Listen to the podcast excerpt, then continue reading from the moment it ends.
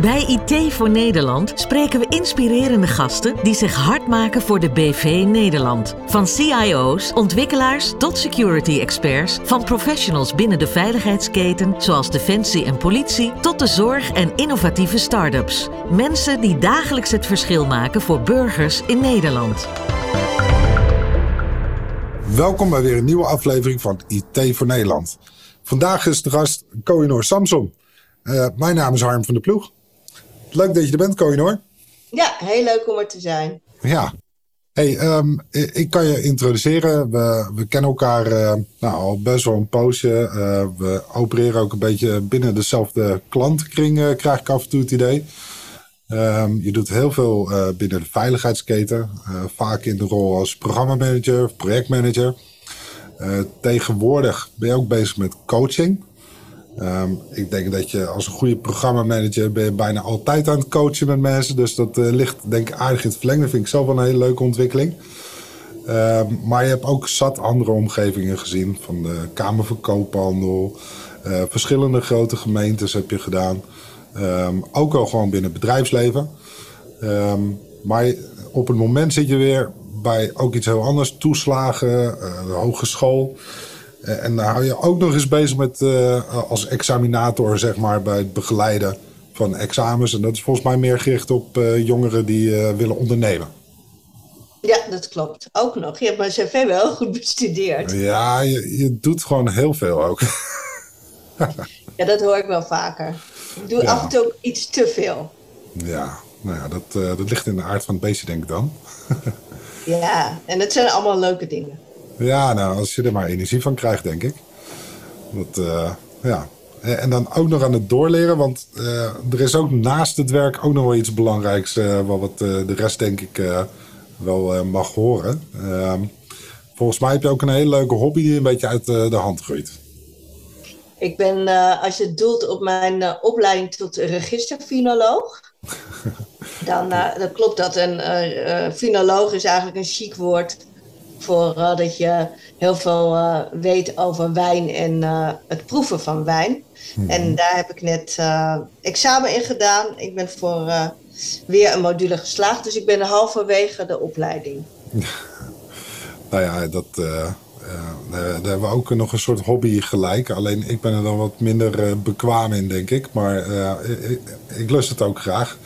Um, maar goed, uh, ik vind het altijd fantastisch als je een, uh, een sommelier hoort praten over, uh, over mooie wijnen. Um, ja. Maar vandaag hebben we heel andere stof.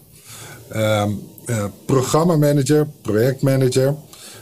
soms ligt het een beetje in het verlengen. Het wordt ook vaak wel verkeerd uitgelegd of krijgt wel eens een andere stempel. maar programmamanager is in mijn beleving iets, iets heel anders. En um, ja, je, je, bent volgens mij ook altijd wel een beetje op zoek naar een bepaald verandercomponent. Um, en je bent daar, meen ik, ook nog doorgegaan, ook uh, uh, qua studie in. Um, hoe zie je dat zelf? Ja, ik zie eigenlijk, want er zijn heel veel verschillende definities van projectmanagement en programmamanagement.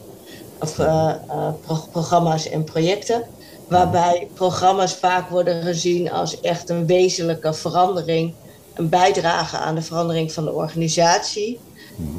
Um, en een project levert dan een wat meer concrete resultaten op. Dus dat kan dan een ICT-applicatie zijn of een product wat gelanceerd wordt. Uh, waarbij bij programma's meer gekeken wordt naar welke baten kan het nou opleveren voor de organisatie. Zo kijk mhm. ik er meestal naar. Hmm. En voor mij maakt het persoonlijk niet zo heel veel uit of ik nou programma of projectmanager ben. Ik vind alles leuk waar ook echt een verandercomponent is voor de medewerkers zelf. En dat is eigenlijk bijna altijd wel. Um, want mijn idee is, je kan niet als een soort van IKEA-kast nieuwe ICT naar binnen schuiven. En verwachten dat medewerkers die het werk al twintig jaar doen, dan zomaar uit zichzelf snappen hoe ze met die nieuwe ICT kunnen omgaan. Dus ik zorg er ook wel voor dat de projecten en programma's die ik doe, ook dat verandercomponent vereisen. En dat breng ik dan mee als uh, programma projectmanager. Ja, nou ja, denk ik uh, een boeiend vak sowieso. Begrijpen mensen dat ook op een verjaardag als je dat zo uitlegt? Ja, de meeste wel. vaak is een, een, project is vaak wel iets vaags. Ik heb wel ook dat ik eigenlijk op verjaardag niet zo heel veel over mijn werk wil praten. Dus misschien is dat het ook meer. Mhm. Ehm, maar tegenwoordig zijn natuurlijk best wel veel ICT-definities wel, wat breder, breder bekend. En als je, je kan het heel eenvoudig uitleggen, zoals dat je een, een, uh, nou ja, een nieuwe dienst bouwt of een, een nieuwe ICT-applicatie ontwikkelt. Ja. ja, dus gewoon echt een concreet uh, eindproduct. Uh, bijna tastbaar altijd. Um, want je bent eigenlijk ja, als ik het een beetje goed heb begrepen, ben je op een gegeven moment gestart eigenlijk bij de brandweer. Gewoon echt als plaatsvervangend commandant. en op een gegeven moment heb je de stap gemaakt naar meer ICT en uiteindelijk uitgroeid tot ja, toch gewoon programmamanager van ja, echt complexe programma's. Um, eigenlijk was het andersom. Ja, oké. ja, Eigenlijk, ik ben gestart als consultant. Ik heb uh, bij mijn opleiding had ik het bijvak organisatiekunde. En daar was een professor, Jaap Boonstra, die uh, gaf les over veranderingen in organisaties. En toen dacht ik, oh, dat wil ik doen. Mhm. Dus ik ben uh, de consultancy ingegaan en vooral verandering van organisaties boeide mij. Dus uh, veel projecten gedaan op het gebied van nou ja, verandering. Dus onder andere bij Heineken, uh, ERP uh, SAP implementatie. Waarbij ook aandacht werd gegeven voor de organisatieverandering. En, uh, en dat, dat heb ik een aantal jaar met heel veel plezier gedaan. En toen kwam de, uh, de aanval op het World Trade Center, de Twin Towers in mhm. Amerika. Toen stortte die hele consultancy tak stortte in. Dus ik uh, moest weg samen met heel veel andere mensen. De hele industrie ging inkrimpen. En ik, nou, ik, ik kon niet ergens anders starten, omdat alle consultiebureaus aan het eh, inkrimpen waren. En ik heb toen een um, loopbaanadvies uh, traject gedaan om te kijken wat mijn passie dan anders nog was dan consultancy of advies geven of projecten. En daar kwam uit dat ik eigenlijk James Bond wilde worden en de wereld wilde redden.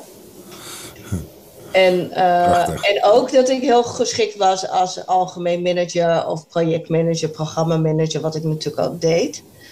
Tegelijkertijd kwam de advertentie uit van het NIBRA, het Nederlands Instituut Brandweer en Rampenbestrijding.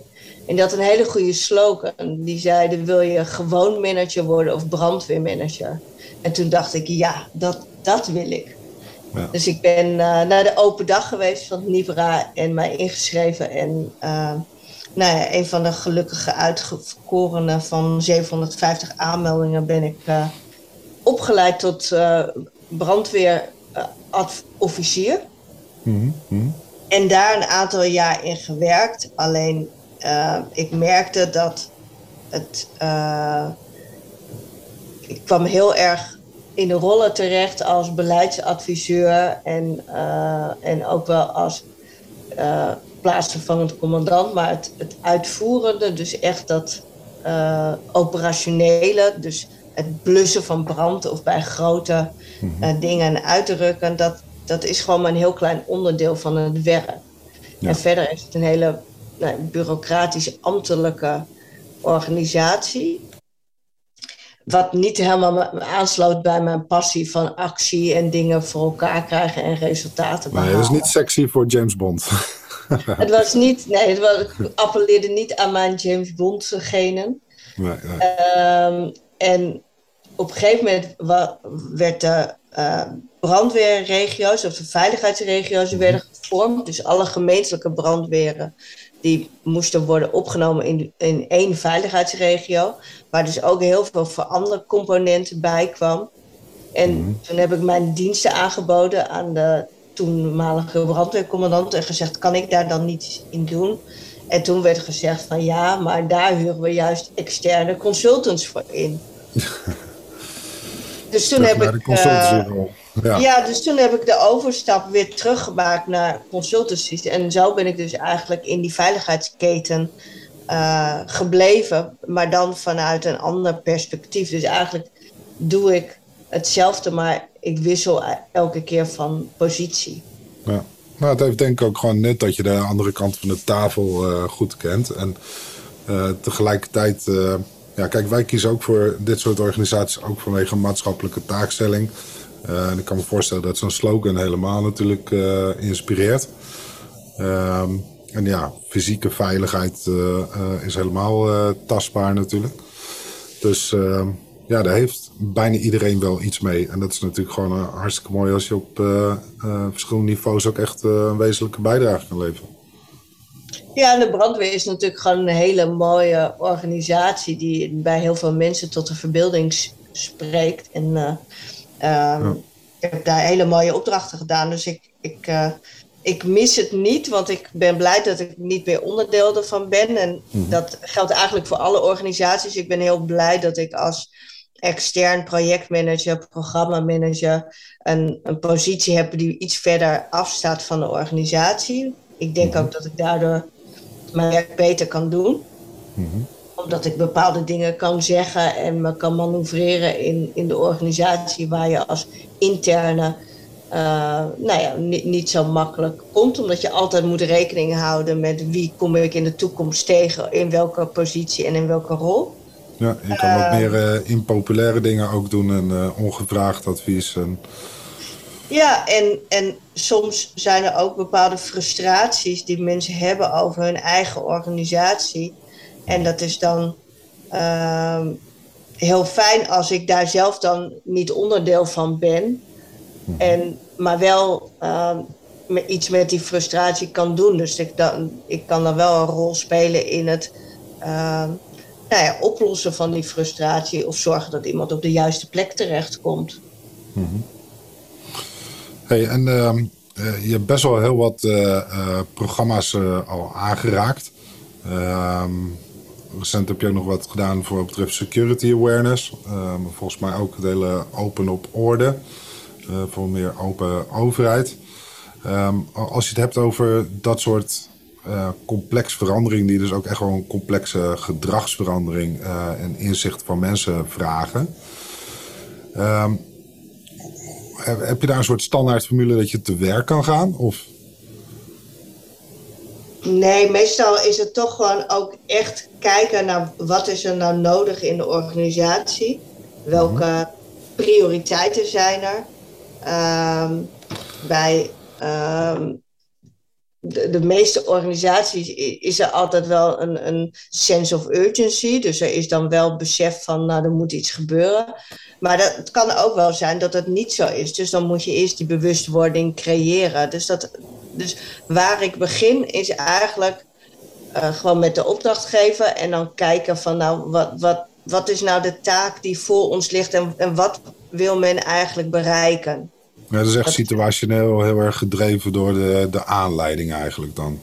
Ja, ik heb niet een vast programmaplan wat ik kan knippen en plakken, wat ik op, op de organisatie kan uh, stoppen. Mhm. Dat zou wel handig zijn. Ja, nou ja, kijk, uh, uh, als ik nadenk, je, je, hebt natuurlijk ook behoorlijk jezelf doorontwikkeld, ook in, in de kennisbankjes. Ehm, met uh, tot aan uh, post-HBO uh, verschillende dingen. Maar je hebt ook de nodige trainingen gedaan. En je hebt natuurlijk allerlei van die best practice raamwerken, Prins en IPMA en dat, dat soort dingen. Maar nou heb je heel bewust voor gekozen om IPMA ook tot een bepaald niveau door te ontwikkelen. En daar ja, tot IPMA level B, dan heb je echt dat verandercomponent. Um, waarbij Prins 2 inderdaad heel methodisch is. Uh, uh, je hebt bepaalde stappen die je uh, doorloopt in je project. Um, wat, wat, heeft je bewogen om tot dat level door te gaan? Heb je daar ook concreet wat aan in de praktijk? Nou, er zijn twee. De, de vraag is een beetje tweeledig. Aan de ene kant, ik denk dat Prins 2 gewoon een hele goede basis is als je start als projectmanager, omdat je heel erg goed de structuur en het ritme van zo'n project leert kennen. Mhm, Uh, aan de andere kant, ik ben nog nooit een organisatie tegengekomen die echt heel erg strikt Prins 2 doet. De meeste organisaties hebben daar toch wel hun eigen invulling en of aanpassing Ja. uh, aan of van. En dan als voorbeeld kan ik noemen uh, dat bijvoorbeeld uh, men zegt binnen Prins 2 van nou, de, als alles goed gaat, dan uh, komt er een highlight rapport. En, en als het niet zo goed gaat, komt er een exception rapport. En eigenlijk zou je niet bij elkaar hoeven te komen om dat te bespreken. Maar in een overheidsorganisatie waar zoveel politiek-bestuurlijke krachten zijn, wil men eigenlijk altijd wel bespreken ook hoe, uh, hoe gaat het met het project, hoe wordt het ontvangen, wie, wie, is voor, wie is tegen, waar zitten we op het gebied van stakeholders. Dus puur Prins 2 heb ik nog niet gezien. Mm -hmm. En, uh, en IPMA is eigenlijk niet een hele strakke, uh, vast omlijnde uh, methodiek. Die is in mijn ogen iets losser. En er zijn zeker wel een aantal vaste dingen die, die, die terugkomen, die herkenbaar zijn. Maar IPMA schrijft niet echt helemaal voor van nou, wat, wat zou je dan moeten doen in welke fase van je project, zoals Prins Ja. 2 dat doet. Um, de reden waarom ik IPMA B gecertificeerd ben, is puur omdat ik daarmee denk dat ik kan aantonen dat ik een bepaalde complexiteit en zwaarte van projecten en programma's kan uh, begeleiden. Waardoor ik als uh, nou, zelfstandige beter en aantrekkelijker ben voor de, voor de arbeidsmarkt. Ja, ja je Eh. onderscheidt je natuurlijk uh, absoluut. Ja, en je ziet ook dat bij.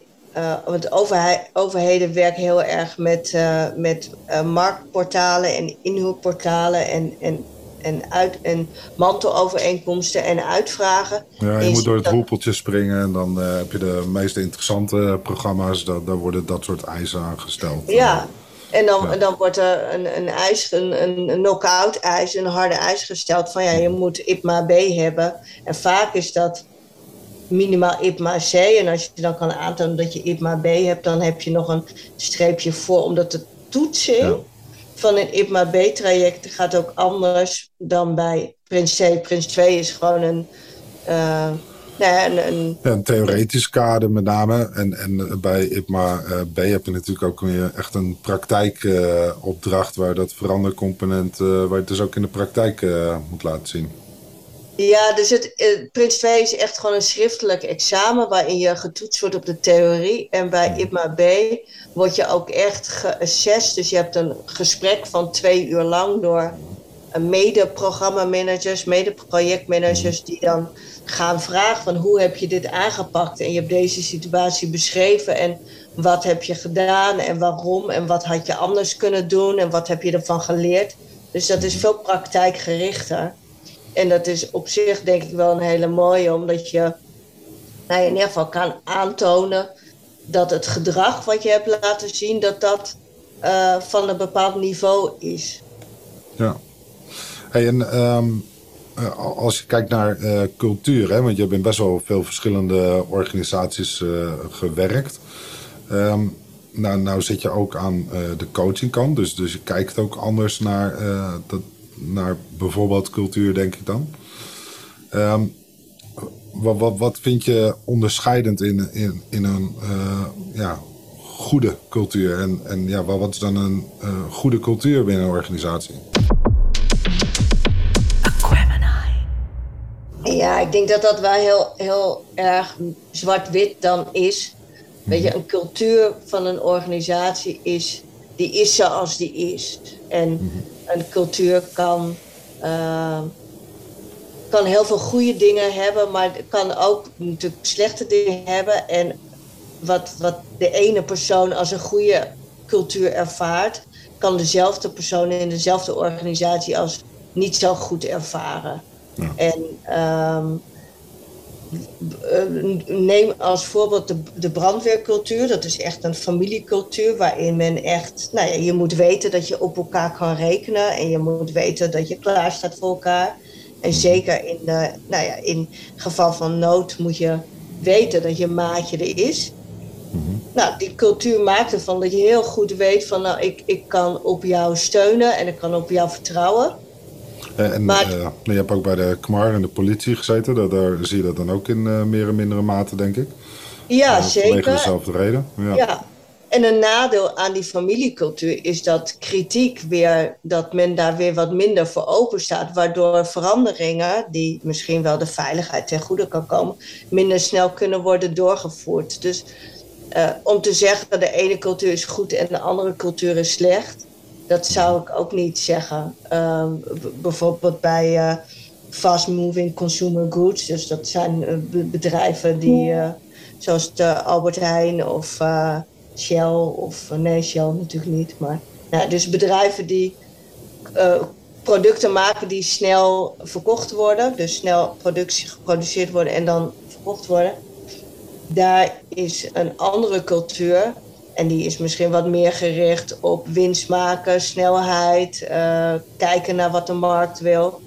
En dat kan de een kan dat een heel prettige cultuur vinden en de ander gaat dat gewoon veel te kort door de bocht. En die, die zijn meer op zoek naar dat maatschappelijk belang, wat bijvoorbeeld bij overheden weer meer speelt. Ja. Ja, maar vaak zie je toch, uh, kijk, je hebt best wel heel veel publieke organisaties gewerkt. Het zijn vaak toch ook uh, ja, de oudste organisaties die ons land kent. Uh, waarbij als je dus vanuit het programma denkt, dan probeer je ook vaak een gedragsverandering en misschien is ook wel gedeeltelijk een cultuurverandering te realiseren. Ja, nee zeker. En ik denk ook altijd dat, dat je dat aspect bij grote verandertrajecten moet meenemen. Mm -hmm. En wat wat ik dan zelf altijd doe om het concreet te maken, is meer de componenten of de, de elementen die, die niet fijn zijn of als niet fijn ervaren worden, dat je die dan uh, gaat proberen te adresseren. In plaats van dat je echt zegt: Oké, we hebben nu een heel groot cultuurprogramma en we gaan veranderen. Ja. Meestal vinden mensen dat ook heel eng en onprettig. En uh, krijgen ze dan ook het idee, oké, is er dan nu iets mis met hoe we het dan nu doen? Ja, bekend. nou, uh... er zijn wel heel veel cultuur- en leiderschapsprogramma's. En uh, ik denk dat die worden vaak heel groot opgetuigd en, en worden vaak top-down gedaan. Maar ik denk dat je al heel veel aan cultuur kan veranderen op de werkvloer zelf. En dat, dat is dan gewoon veel meer kijken naar uh, competenties van mensen en mensen bijvoorbeeld op de juiste plaats zetten. We hebben ook altijd de neiging om te vinden dat iedereen maar alles moet kunnen en alles moet kunnen leren. Terwijl, nou ja, misschien zijn er gewoon sommige mensen die dat helemaal niet willen. Nee, ja, en, soms is dat ook gewoon prima, inderdaad. Ja. Eh, en als je daar naar kijkt, hè, over het leren. Ik bedoel, wat zijn de heb je een bepaalde opdracht uh, gehad dat je zegt van nou daar heb ik echt uh, uh, veel van geleerd. Dat is soort fundamenteel voor hoe, hoe ik geslepen ben als persoon? Nou, eigenlijk best, best eigenlijk leer ik van alle opdrachten. Mm -hmm. um, en waar ik dan het meest van heb geleerd, dat vind ik wel lastig te zeggen. De grootste les die ik eigenlijk persoonlijk heb geleerd is en dan kom ik ook even bij het stukje waar ik nu ook mee bezig ben. Dat is het systemisch kijken naar programma's. De grootste les die ik persoonlijk heb geleerd is dat ik als programmamanager of als projectmanager, verandermanager of coach zelf niet alles kan veranderen. Dat er een systeem is wat om mij heen zit, waarin mensen uh, bepaalde belangen hebben en zich gedragen en interacties hebben met elkaar.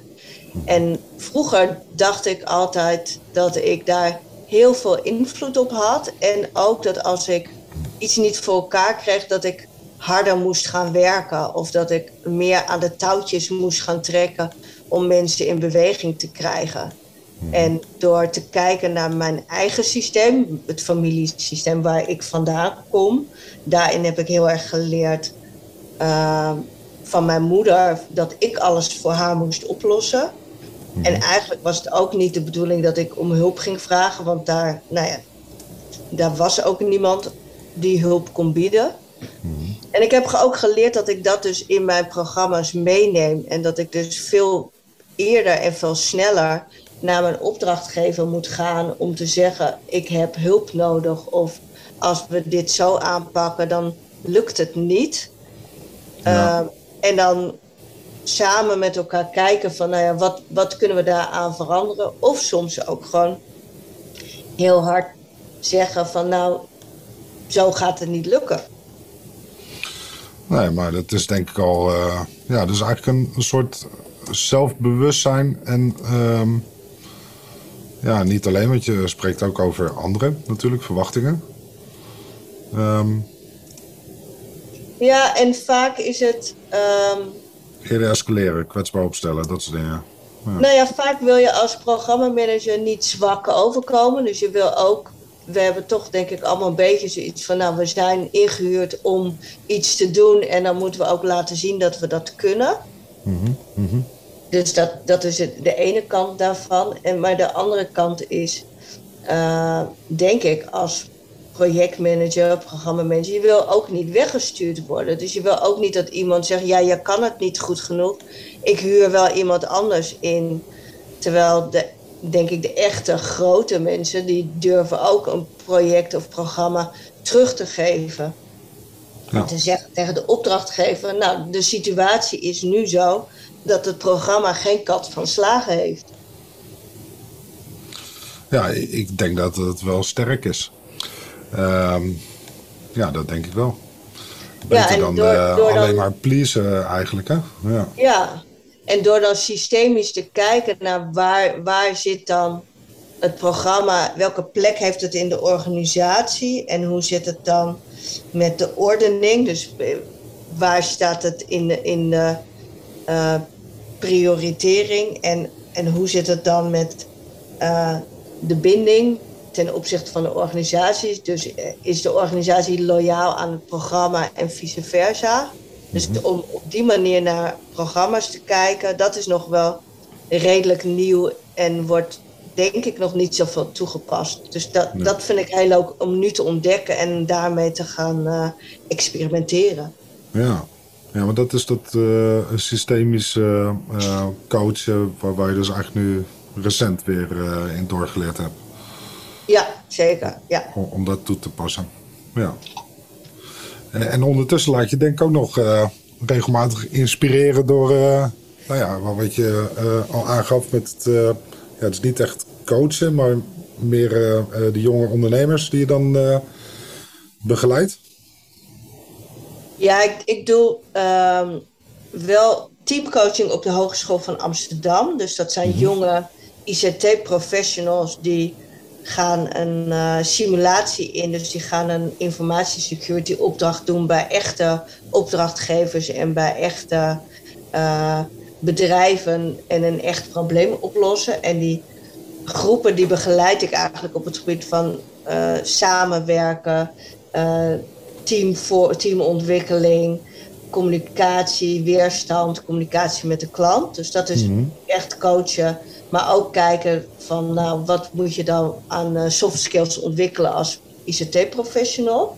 Want dat is wel iets, denk ik, waar je dan echt wel ehm, ja, e- energie uithaalt. Of, eh, Ja, zeker. Dus dat is ook hartstikke leuk. Dus ik doe ook, ik kijk ook met ze systemisch naar, eh, naar ze. Dus dan laat ik ze het team opstellen en dan mogen ze met elkaar kijken van nou, hoe hebben wij ons nou gedragen in de afgelopen twintig weken en wat, hoe was het bijvoorbeeld anders geweest. Eh, we kijken naar gedrag, we leren ze feedback geven. En ik zeg we, want ik doe het samen met een mede, mede-coach. ja. Ehm, en ik kijk ook naar hoe, hoe ga je nou om met de op- opdrachtgever en hoe ga je om met mij en met elkaar. En hoe kun je nou respectvol feedback geven en toch ook eerlijk zijn. En vaak denken studenten dat het heel goed gaat, bijvoorbeeld. En dan gaat het niet zo goed. Dus dat is heel leuk. Ja. En jij bedoelde ook, denk ik, ik neem ook zeg maar deel in de examencommissie. En dan gaan studenten van het ROC, die gaan hun eigen businessplan pitchen. Die hebben een businessplan mhm. gemaakt voor een te starten bedrijf. En soms is dat een echt bedrijf en soms is het een fictief bedrijf. Mhm. En dan uh, ga ik kijken van nou, hoe haalbaar is het? Is het realistisch? Hebben ze naar alle aspecten gekeken? Uh, wat is hun uh, motivatie om het te doen? Dus dat is ook heel leuk. Ja, dat klinkt als iets wat, wat, energie geeft, maar ook gewoon, echt gewoon een mooie afwisseling is van de dagelijkse bezigheid op toch wel stiekem complexe programma's soms. Ja, en het is heel erg leuk om ook te kunnen bijdragen aan de ontwikkeling van jonge mensen die uh, nou ja, hetzelfde gaan doen wat ik uh, twintig jaar geleden misschien of dertig jaar geleden startte in mijn carrière. Dus dat is hartstikke leuk. Zeker, dat, geeft uh, gewoon voldoening. Um, maar wat, als je daar naar kijkt, hè, want uh, ik vroeg net ook van ja, hoe heb je jezelf dan ontwikkeld? Uh, maar wat, wat, zijn nou uh, skillset dat je zegt dat dat heeft me echt enorm geholpen en dat heb je gewoon in, in mijn rol nodig als programmamanager? Even kijken, nou wat. Ja, er zijn ook heel, heel veel opleidingen die ik gedaan heb, maar ik denk als ik kijk, gewoon als project- en programmamanager heb je natuurlijk toch gewoon wel een, een opleiding nodig, project pro, management, waarin je mhm. gewoon de basisstappen leert. Dus dat, daar begint het natuurlijk mee. Ja. Ehm, eigenlijk alle soft skills, uh, dat is natuurlijk een beetje een raar woord, maar al, alles op het gebied van onderhandelen, adviesvaardigheden, ehm, omgaan met conflicten. Weerstand. En, uh, weerstand, ja. En communicatieve vaardigheden zijn ook gewoon echt super belangrijk. Dus, dus daar zou ik zeker als je net begint mee, mee starten. Ehm, ik heb bewust ervoor gekozen om niet de inhoud in te gaan. Want ik heb wel heel lang een soort van beetje beide geprobeerd. Dus ook een soort van business-analyse en ook inhoudelijk advies en beleidsadvies. Maar dat is gewoon niet mijn ja, mijn hart ligt daar niet. Dus op een gegeven moment heb ik dat wel echt losgelaten. Mhm. Ehm, en de laatste jaren ben ik dus echt bezig met ehm, meer, meer de psychologische kant, meer de stakeholders belangenkant van hoe kan ik mensen in beweging krijgen, hoe kan ik verandering voor elkaar krijgen. Dus ik heb eerst een opleiding gedaan waarbij er op drie niveaus gecoacht wordt. Dus organisatiecoaching, teamcoaching en persoonlijke coaching. Mhm. En het laatste wat ik heb gedaan is een driejarige opleiding waarin je echt dus meer psychologisch gaat kijken door middel van NLP, transactionele analyse en systemische werken. Om veranderingen op die manier teweeg te brengen. Dus dat kan in een één op één gesprek met iemand. Maar het kan ook zijn door breder te kijken naar nou, hangt het programma wel op de juiste plaats? Zitten de juiste stakeholders bij betrokken? Wil de organisatie dit? Past, past een programma in het systeem? Of is het eigenlijk tegenstrijdig aan het overlevingsmechanisme van een systeem? Dus ik kan er nu heel veel mee. Mhm. En dat is ook heel leuk, dus dat geeft ook heel veel energie. En ik denk ook dat het me ook heel veel frustratie scheelt, omdat ik juist ook beter in staat ben te kijken naar wat kan ik wel bereiken en wat kan ik niet bereiken. Mm En ehm, ja, ik, ik, ik, denk dat het ook gewoon persoonlijk heel veel gebracht heeft. Ook gewoon puur met, nou ja, hoe, hoe ga ik om met uh, conflicten en ruzies in, in, in mijn privéleven, die ik gelukkig niet zoveel heb. Nee, daar, eh, daar zoek je toch eh, de harmonie waar je misschien op een eh, programma, net wat je zegt, op een gegeven moment heb je ook weer afscheid van een organisatie waar wat makkelijker wellicht de wrijving aan kunt gaan. Maar ehm, ja, ik hoorde je net eigenlijk ook zeggen over een stukje, ja, denk aan bijvoorbeeld ook durven het programma terug te geven, ehm, verwachtingen bijstellen. ja, ik denk dat, zeker als ik jou zo hoor praten, dat dat zo'n traject om uh, te leren coach te zijn, dat je daar zelf natuurlijk ook heel veel van leert, alsof je aan de andere kant van de tafel zit. Dus, uh, en uh, ik heb ook wel eens, of we hebben eerder een programmamanager te gast gehad en die koos ook altijd wel voor complexe programma's, ook met een bepaalde complexiteit. Gewoon zoekt eigenlijk gewoon uitdaging. Uh, maar die gaf ook aan van ja, je hebt ook gewoon vlieguren nodig. En ik denk dat een bepaalde ja, volwassenheidvorming uh, ook, ook, bij jezelf eigenlijk ontstaat. Maar door dit soort activiteiten die je onderneemt, ja, breng je dat natuurlijk wel ja, in een katalysator, zeg maar. Nou ja, wat het mij brengt, of, of, wat, wat het mij oplevert, is ik heb ook wat meer begrip. Krijg ik voor waarom dingen niet lukken en ook waarom bijvoorbeeld mensen reageren zoals ze reageren. Dus uh, in plaats van dat ik dan boos of vol in de aanval of vol in onbegrip of frustratie terechtkom, heb ik wel echt geleerd om zeg maar, de andere kant te zien en veel meer te verdiepen in die beweegredenen. Het is ook wel dat dat uh, past bij mij als persoon, dat ik dat altijd wel interessant heb gevonden. Mhm. En er zijn natuurlijk ook gewoon programma's en projectmanagers, uh, programmamanagers, projectmanagers, die uh, veel resultaatgerichter zijn en, en veel meer de route kiezen van nou, ik heb een opdracht te doen en te klaren.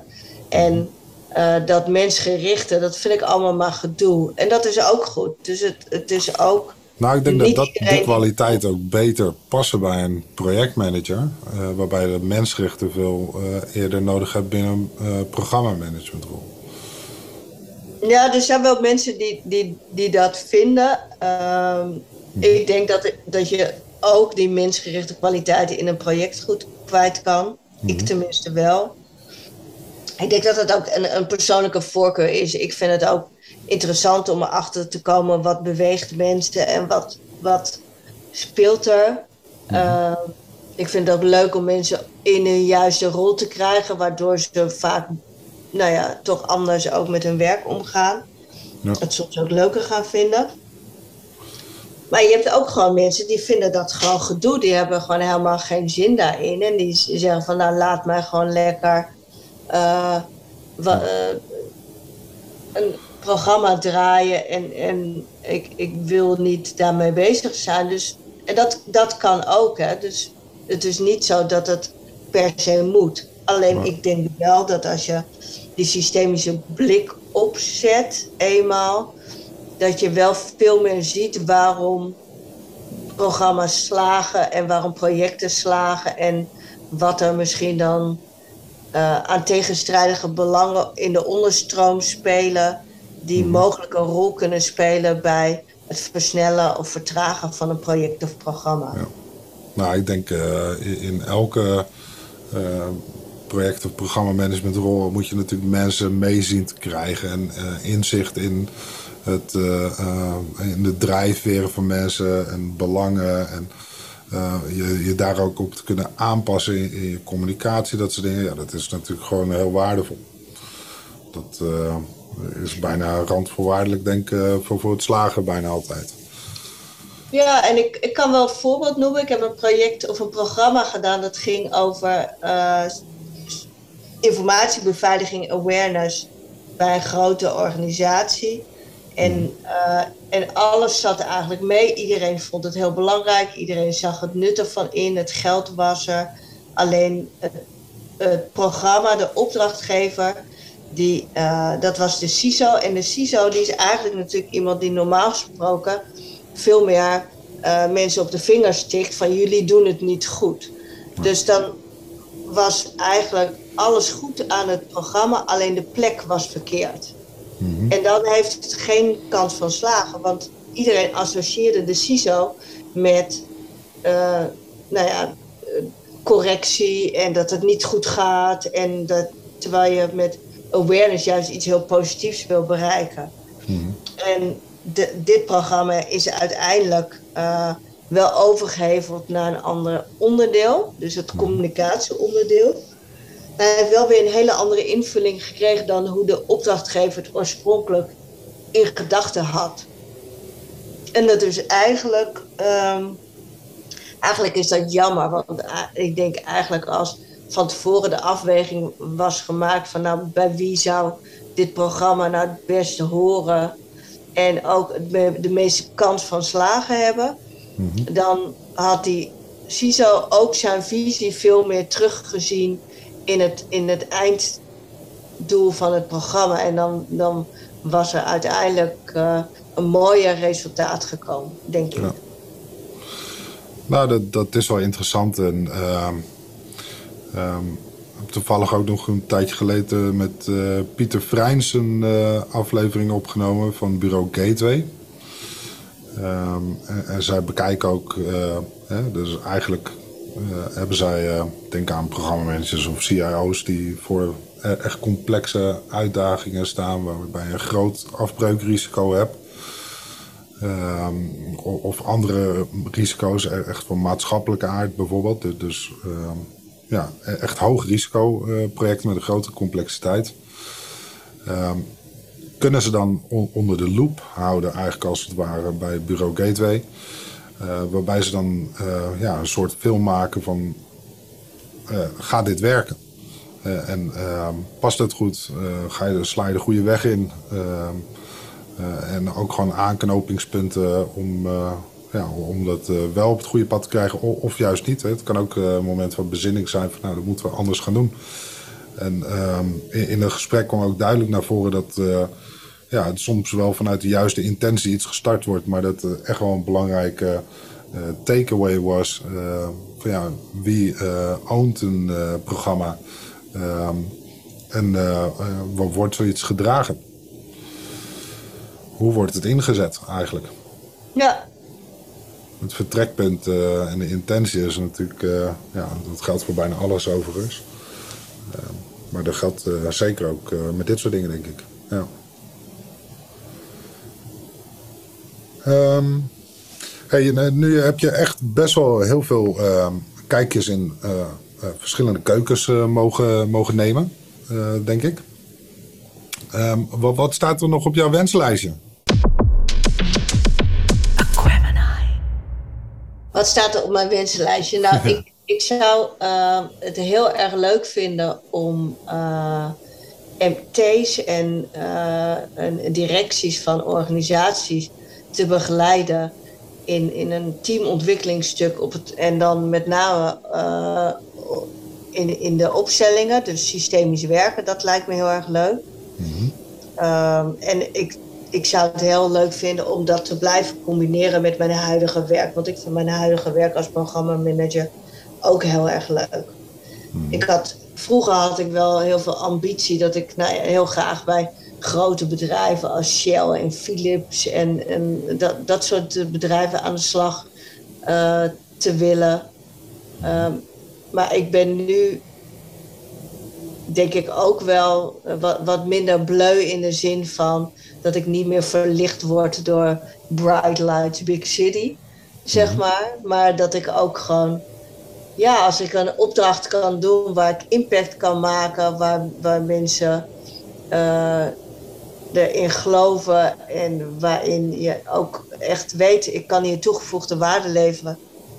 Dat, dat vind ik heel leuk. En als ik dat dan kon combineren met uh, het begeleiden van teams uh, op het gebied van systemisch werk, dat zou helemaal geweldig zijn. Ja.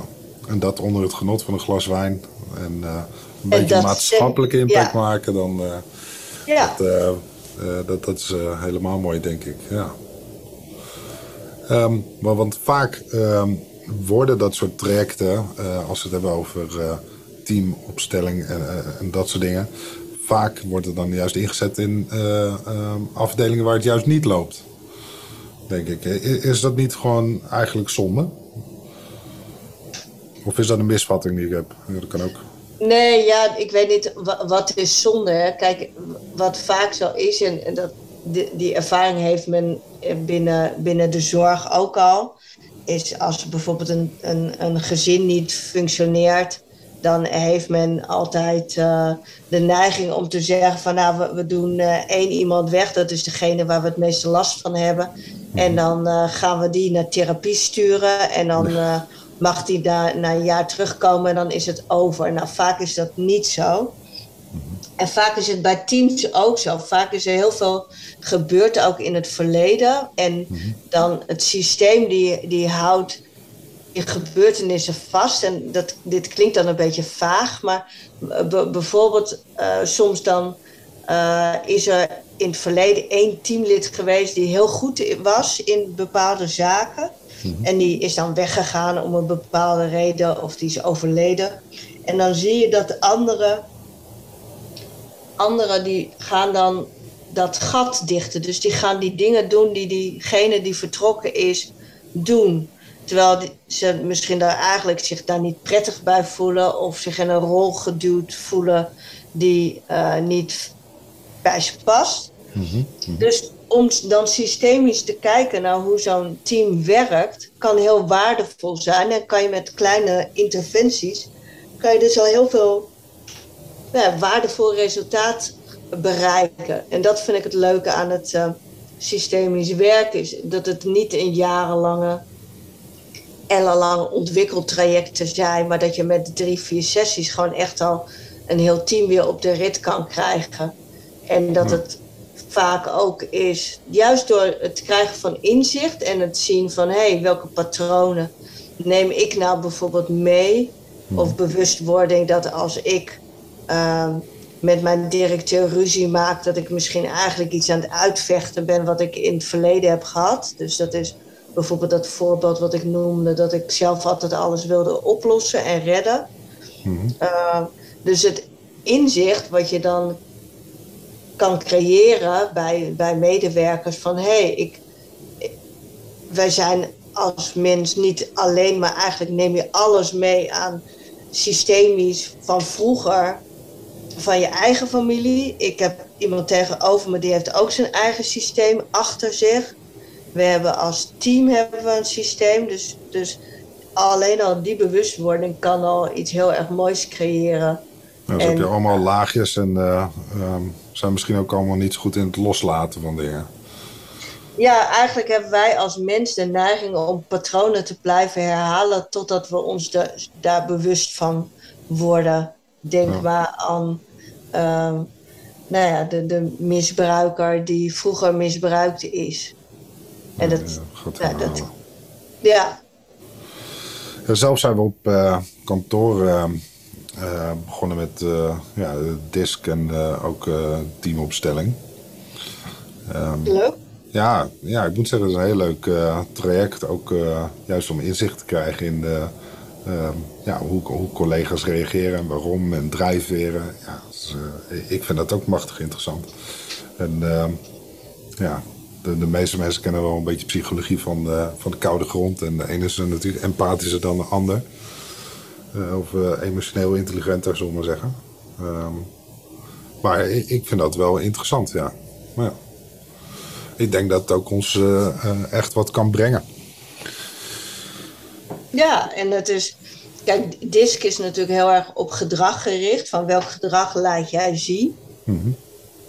En, en gaat aan de hand van twee assen, de introverte en extraverte as en de mensgerichte en resultaatgerichte as. Dus die zegt al heel veel over hoe mensen zich gedragen. Mhm. En uh, door het te combineren juist met systemisch werk, dus hoe, hoe voel je je en waarom, uh, dat kan juist die combinatie kan ook heel veel inzicht geven waar, waarom dingen blijven gebeuren of waarom twee mensen elkaar gewoon nou ja, niet, niet kunnen begrijpen, omdat ze allebei zo'n ander perspectief hebben op, uh, op zaken. En ja, het is, kan heel waardevol zijn voor je team of voor je organisatie om op die manier is. Uh, dat ja, ik denk dan begrijp je ook waar, waar het uit voortvloeit. En zeker als je het over programma-management hebt, over uh, het maken van wezenlijke veranderingen. Denk ik net, net wat je zelf zegt, uh, van eigenlijk doen we alles in patroontjes net zolang totdat het uh, of goed fout gaat, zullen we maar zeggen. Dat, dat er een, uh, ja, ben je bewust onbekwaam, zullen we maar zeggen. En dan nog heb je het vermogen van veranderen, kan natuurlijk ook enorm verschillen. Maar daar kunnen dit soort dingen dan, die, dat inzicht echt wel in helpen, denk ik. En ehm, ja, het, het is denk ik iets al, we zijn heel erg geneigd ook als samenleving om te zeggen van het gaat goed. En ehm, eh, het gaat goed zolang uh, het goed gaat. en ehm, dat past misschien ook wel bij, bij een stukje nuchterheid. en ehm, nou je ziet zeker ook bij publieke organisaties hoor. Is regelmatig dat er natuurlijk een consultant binnenkomt. En die heeft weer een of andere managementtheorie. En ik had een ja, vroeger dat ik zelf ZZP'er was op een gegeven moment voor een gemeente. En dan drukte op een gegeven moment die, iemand die dicht tegen zijn pensioen aan zat, die drukte het uit van... Ja, dan komt er weer eens een, dame en dan moeten we met z'n allen in dat treintje stappen. Dan uh, lopen we allemaal gezellig even mee in het treintje en de dame vertrekt hetzelfde. En na een paar jaar komt er gewoon weer iemand langs met weer een ander treintje. Ehm, en die had echt zoiets van, ja, ik zit er wel uit op mijn pensioen. Um, maar ja, ik denk ook als we kijken naar uh, een bepaalde wendbaarheid die, uh, die ook gewoon organisaties nodig hebben. Uh, en, en ook de mensen, we doen niet allemaal meer 40 jaar hetzelfde. ja, is het ook gewoon nodig om anders en flexibeler te kunnen worden, denk ik. Daar worden we er misschien wel een stukje blijer van. Ja, nou ja, ik, ik denk dat als ik naar mezelf kijk, dat ik heel veel minder frustratie hoeft te hebben en ook veel beter weet van, nou ja, waar, waar kan ik nou het beste mijn energie in steken? En dat het ook voor een opdrachtgever veel prettiger is, want ik krijg het ook veel meer nu van mij te horen van, nou, je, je moet die, of je kan dit en dit en dit doen. En dus ik kan veel meer opties geven in plaats van dat ik iets zelf ga fixen. Dus het heeft ook zeker, denk ik, aan mijn eigen ontwikkeling gewoon ook heel veel bijgedragen. En juist, ik denk dat is denk ik ook wat, wat ik echt geleerd heb in de, in de driejarige opleiding bij Phoenix, is om mezelf ook veel meer als instrument te gebruiken. Van wat heb ik nou geleerd en hoe kan ik dat dan in een organisatie meebrengen of in een coachingstraject meebrengen of wat kan ik dan aan een team en hun teamontwikkeling meebrengen. Nou, ik, denk dat het je absoluut uh, sterker maakt, uh, ook in je vak, denk ik. Uh, dus uh, ja, en dat komt dan vanuit ook een persoonlijk interesse. Nou, dat is natuurlijk alleen maar mooi. Ja. Hey, en um, eh, als je kijkt naar je, je carrièrepad, uh, is er iets wat je zegt van nou, dit heb ik nog niet behaald of, of uh, bereikt, maar daar zou ik wel erg trots op zijn als we dat weten te realiseren. En, en ja, misschien wel belangrijker, wat, wat motiveert jij daartoe? Nou, ik denk dat. Ehm, nee, dus, dus wat ik eigenlijk al genoemd heb. Dus het, hebben van een coachingspraktijk, waarin ik dus uh, cliënten op individueel of teamcoachingsniveau kan helpen of organisatiesniveau echt systemisch te kijken. Mhm. Dat zou ik echt heel erg super vinden als ik daar gewoon nou ja, 50% van mijn tijd mee vol uh, kan maken. Om op die manier uh, nou ja, mensen te helpen en bij te dragen aan hun ontwikkeling. Ja. Ja, nou, ik denk dat er uh, zat uh, bestuurders zijn, uh, ja, ook binnen ehm, de organisaties waar IT van Nederland wel voor staat, die daar echt wel baat bij kunnen hebben. Ik denk iedereen wel. zelf nou ja, drink ook een glas wijn graag met je. graag. Dus dat ga ik ook niet uit de weg. En ehm, nou, dat lijkt me mooi om zo door te pakken. ja. Ja. Uh, ik vond het in ieder geval hartstikke leuk uh, dat, dat, je ook uh, hieraan wilde bijdragen. Um, ik hoop dat we zo weer mensen hebben weten te inspireren. En nou, ik nodig je heel graag ook weer eens uit als je die mensen ook in je praktijk gehad hebt. Kijken hoe dat weer brengt. En ja, lijkt me mooi. Bent leuk bezig. Ja. Nou, dankjewel. Hartstikke leuk. En nou, ik ben heel erg benieuwd ook naar de reacties. Uh, of, of mensen ook echt denken dat dit een, uh, een interessant gesprek was. Ik hoop het wel. Ik hoop dat mensen er uh, iets uithalen. Ik vond het in ieder geval erg leuk. En ja, het is inderdaad leuk als mensen reacties geven. praktijk leert dat je meestal hele leuke reacties krijgt. Dus dat, daar, daar gaan we vanuit. nou, graag gedaan. En volgende keer drinken we een glas wijn. Ja, goed idee. Dankjewel, Koinar.